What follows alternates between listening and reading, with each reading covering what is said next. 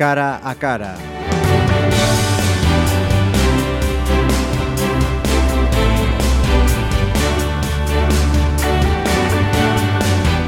Este cara a cara tiene señalada la fecha del 8M.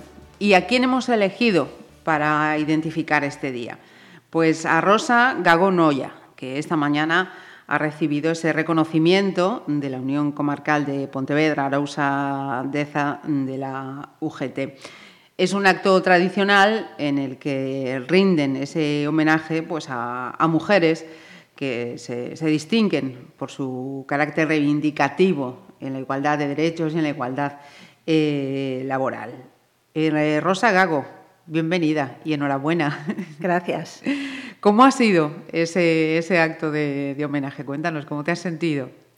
Bueno, pues yo me he sentido muy halagada y contenta, pero fue muy bonito. Fue uh -huh. un emotivo porque, claro, después de tantos años, ya cuando ya no esperas tú ese reconocimiento, porque ya jubilada ya no cuentas con, con estar participando en estas actividades, pues te, te gustan, pero y muy bien. Uh -huh. Pues nos, nos alegramos y, y, entendemos, por lo que nos han contado, que era, era de justicia, además. Estamos hablando con una vilagarciana, ¿no? Sí. Mm, tu generación de, de los años 50, ¿no? Eh, en tu caso, mm, ¿lo de estudiar fue algo que dijiste, pues no quiero, no me apetece, no me gusta? ¿O hubo que ponerse a trabajar porque tocaba? Sí, hubo que ponerse a trabajar porque tocaba trabajar. Uh -huh. Estudiar tampoco, la verdad, me, tampoco me gustaba. pero, pero también tocaba ponerse a trabajar, yo creo que más que a estudiar. Uh -huh. no, tu, no me preguntaron si quería, pero, pero no tampoco a mí me apetecía seguir. Uh -huh. ¿Y dónde fueron esos inicios eh, laborales?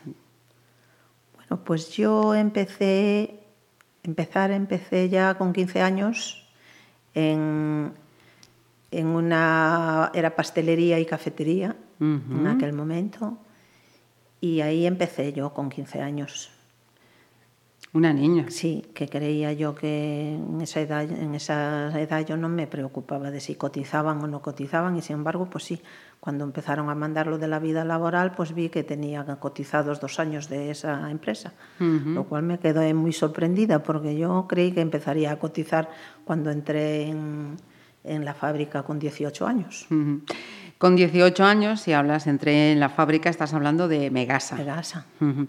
eh, una fábrica que se dedicaba eh, al envasado de las de, conservas, ¿no? A fabricación de las... Los de las envases, latas. los envases uh -huh. de la conserva.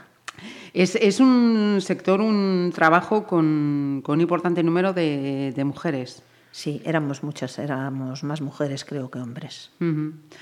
eh, lo mismo que, que la conserva, las fábricas de conserva. ¿Por sí. qué? ¿Por qué la mujer? Pues no lo sé, será porque somos más finas para esos trabajos, digo yo. Uh -huh. O sea, en lo de la lata ya no es eso, pero en la conserva me imagino que es, no, no me imagino yo un hombre empacando los mejillones o las sardinitas, no, uh -huh. no lo veo. Puede que uh -huh. haya alguno, pero no lo veo.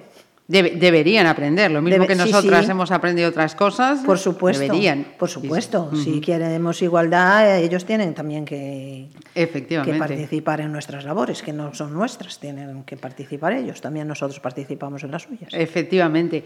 Y en Megasa hasta que te jubilaste el año pasado. Sí. A ver, el año pasado me jubilé, pero yo ya llevaba prejubilada, digamos, desde desde hace cinco años. Que fue cuando cambian de Sí, cuando cambió de dueño la empresa. Ajá. Eh, y en esto de, de, del mundo del sindicalismo, eh, ¿por qué te pica el gusanillo? ¿Por qué decides eh, meterte en esto del, del, sindicalismo? Bueno, pues porque, a ver, fue, fue sal, llegar la democracia y empezar los sindicatos. Entonces, pues empezaron a darnos charlas, que si comisiones, UGT, USO, que eran los tres sindicatos que en aquel momento Había. estaban, uh -huh. y empezaban a darte charlas para que te afiliaras y tal. Por...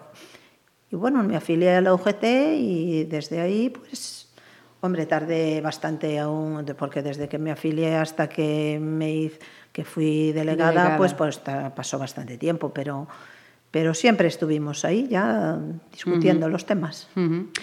eh, estás hablando de eso, de, de, ese momento ya de llegada de, de la democracia. Afortunadamente, eh, desde hace ya un, unas, unas, décadas, la presencia de la mujer en los sindicatos es algo normalizado, pero me imagino que en aquellos comienzos mm, no era tan no, habitual. No, no, la mayoría eran hombres. Uh -huh.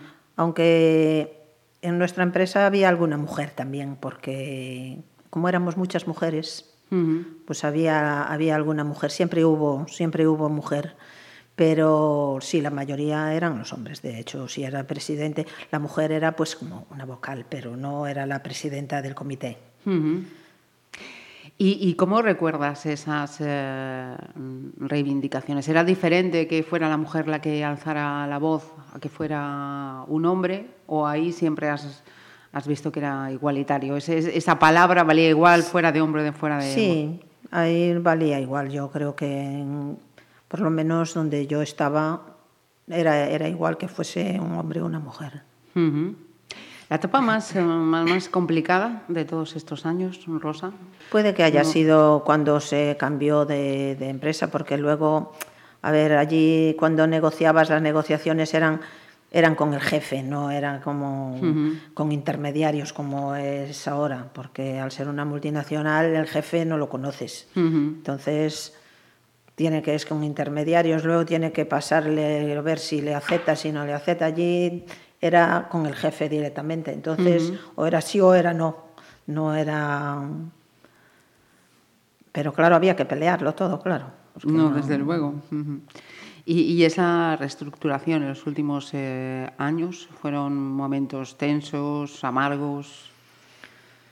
Hombre, siempre hay, sí, porque claro, se marchó mucha gente, de, tuvo que dejar mucha gente el puesto de trabajo, mucha gente que no quería dejarlo, porque yo, por ejemplo, no, no estaba en ese caso, porque yo ya con, la, con 57 años, con, con la indemnización que te daban y la, el paro y la ayuda, pues llegaba ya a la jubilación, pero había mucha gente que no llegaba a la jubilación y tú sabes que los 10 últimos años son los son que fundamentales. te los que te cotizan más para la jubilación. Entonces, hay mucha gente que se quedó sin esos diez últimos años, que de hecho siguen yendo a trabajar cuando les llaman por si hay trabajo y así, pues porque una de las condiciones era esa, que si había trabajo y la gente que se iba a casa quería trabajar, pues antes eran ellas que, uh -huh. que coger otra gente, porque claro, había gente muy joven que no llegaba a 50 años y, y se perdía mucho. Uh -huh Sí, en, además en, la... en, unos años tan complicados como, como claro, 2011, como ahora en plena que no, crisis. Que no, hay, no tienes posibilidades de encontrar otro puesto de trabajo, menos uh -huh. ya de con 50 años o con 50 y uh -huh. algo. Sí, desgracia, desgraciadamente la situación laboral con 50, con 30, con sí, 20... Sí, con... está mal con todos, pero ya si tienes 50 ya sí. parece que eres viejo, ya no... Y yo tengo 62 y no Toda la vitalidad no del me mundo. considero vieja aún. di sí. que no, di que no, no Rosa. me considero. Estás, estás no, estupendísima. No sé si me ven pero vieja, pero yo no me considero. De eso nada, mirad la foto y lo vais a ver, mirad la foto y lo vais a ver.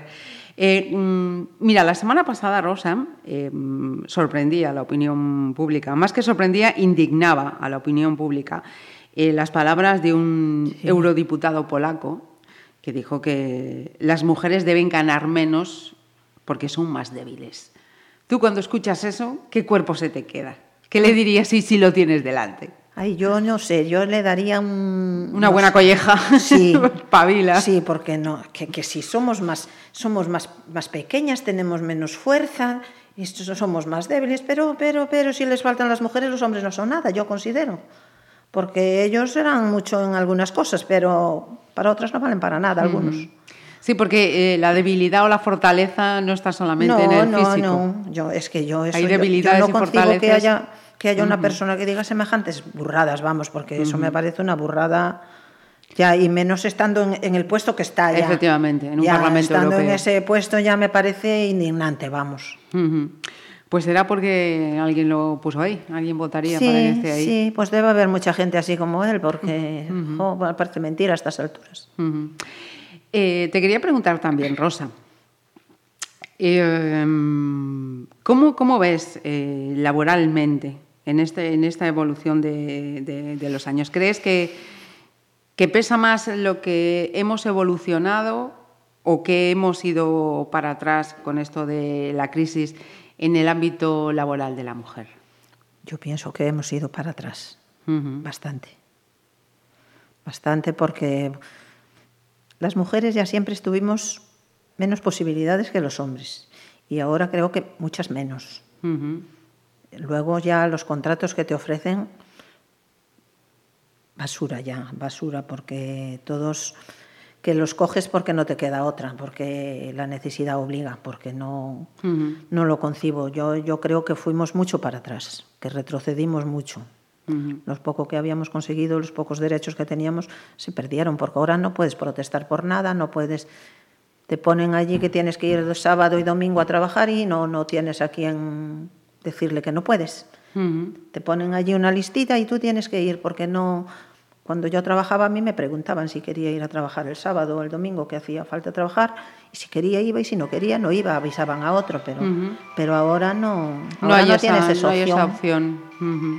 Y socialmente, en cuanto a libertades de, de la mujer, ahí crees que sí seguimos dando pasitos, aunque aún, sí, aún queda. Creo que sí, aunque mmm, hay algunas que no acaban de dar pasos, pero sí creo que avanzó, ahí creo que avanzó bastante. Uh -huh. es, en ese sentido. Sí, en ese sentido creo que uh -huh. somos bastante espabiladas. Porque eh, yo le preguntaba antes de, ponernos con esta entrevista formalmente, eh, ¿estás casada? ¿Estás soltera? Y me decía, no, no, yo soy soltera, actualmente tengo mi pareja.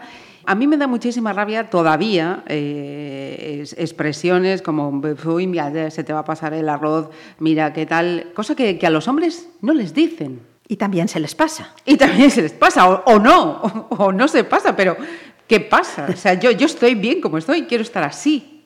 Ya, ¿no? digo yo, ¿qué pasa? ¿Qué, qué, qué, es eso de pasarse el arroz? sí, sí. No lo entiendo. porque se pasa el arroz? A mí no, no se me pasó nada. Efectivamente. Y siguen saliendo unas paellas estupendas. Sí, estupendamente. Yo no, creo, no veo que se me haya pasado nada. Y que conste que tengo pareja, pero no, no desde 20 años ni de 30.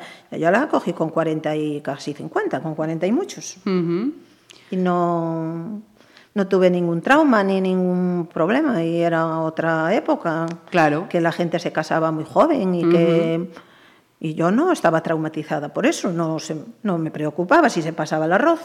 No sé. No sé si se me pasó o no, pero no. Yo, yo pienso que no. Hasta que uno abandona, ¿Yo? abandona esta vida no se pasa nada. Yo me encuentro muy a gusto, sí. Pero eh, es eso, ¿no? Sí, sí, Todavía pero existe, existe ese, ese, marchamo de... Mm, sí, sí. La mujer se tiene que casar, tiene que tener hijos y si no, no está completa. Sí, Pues no. Pues yo creo que no. La que quiere los tiene y la que no quiere, pues no, es libre de, de hacerlo. Efectivamente. Mejor no tenerlos que tenerlos y tirarlos.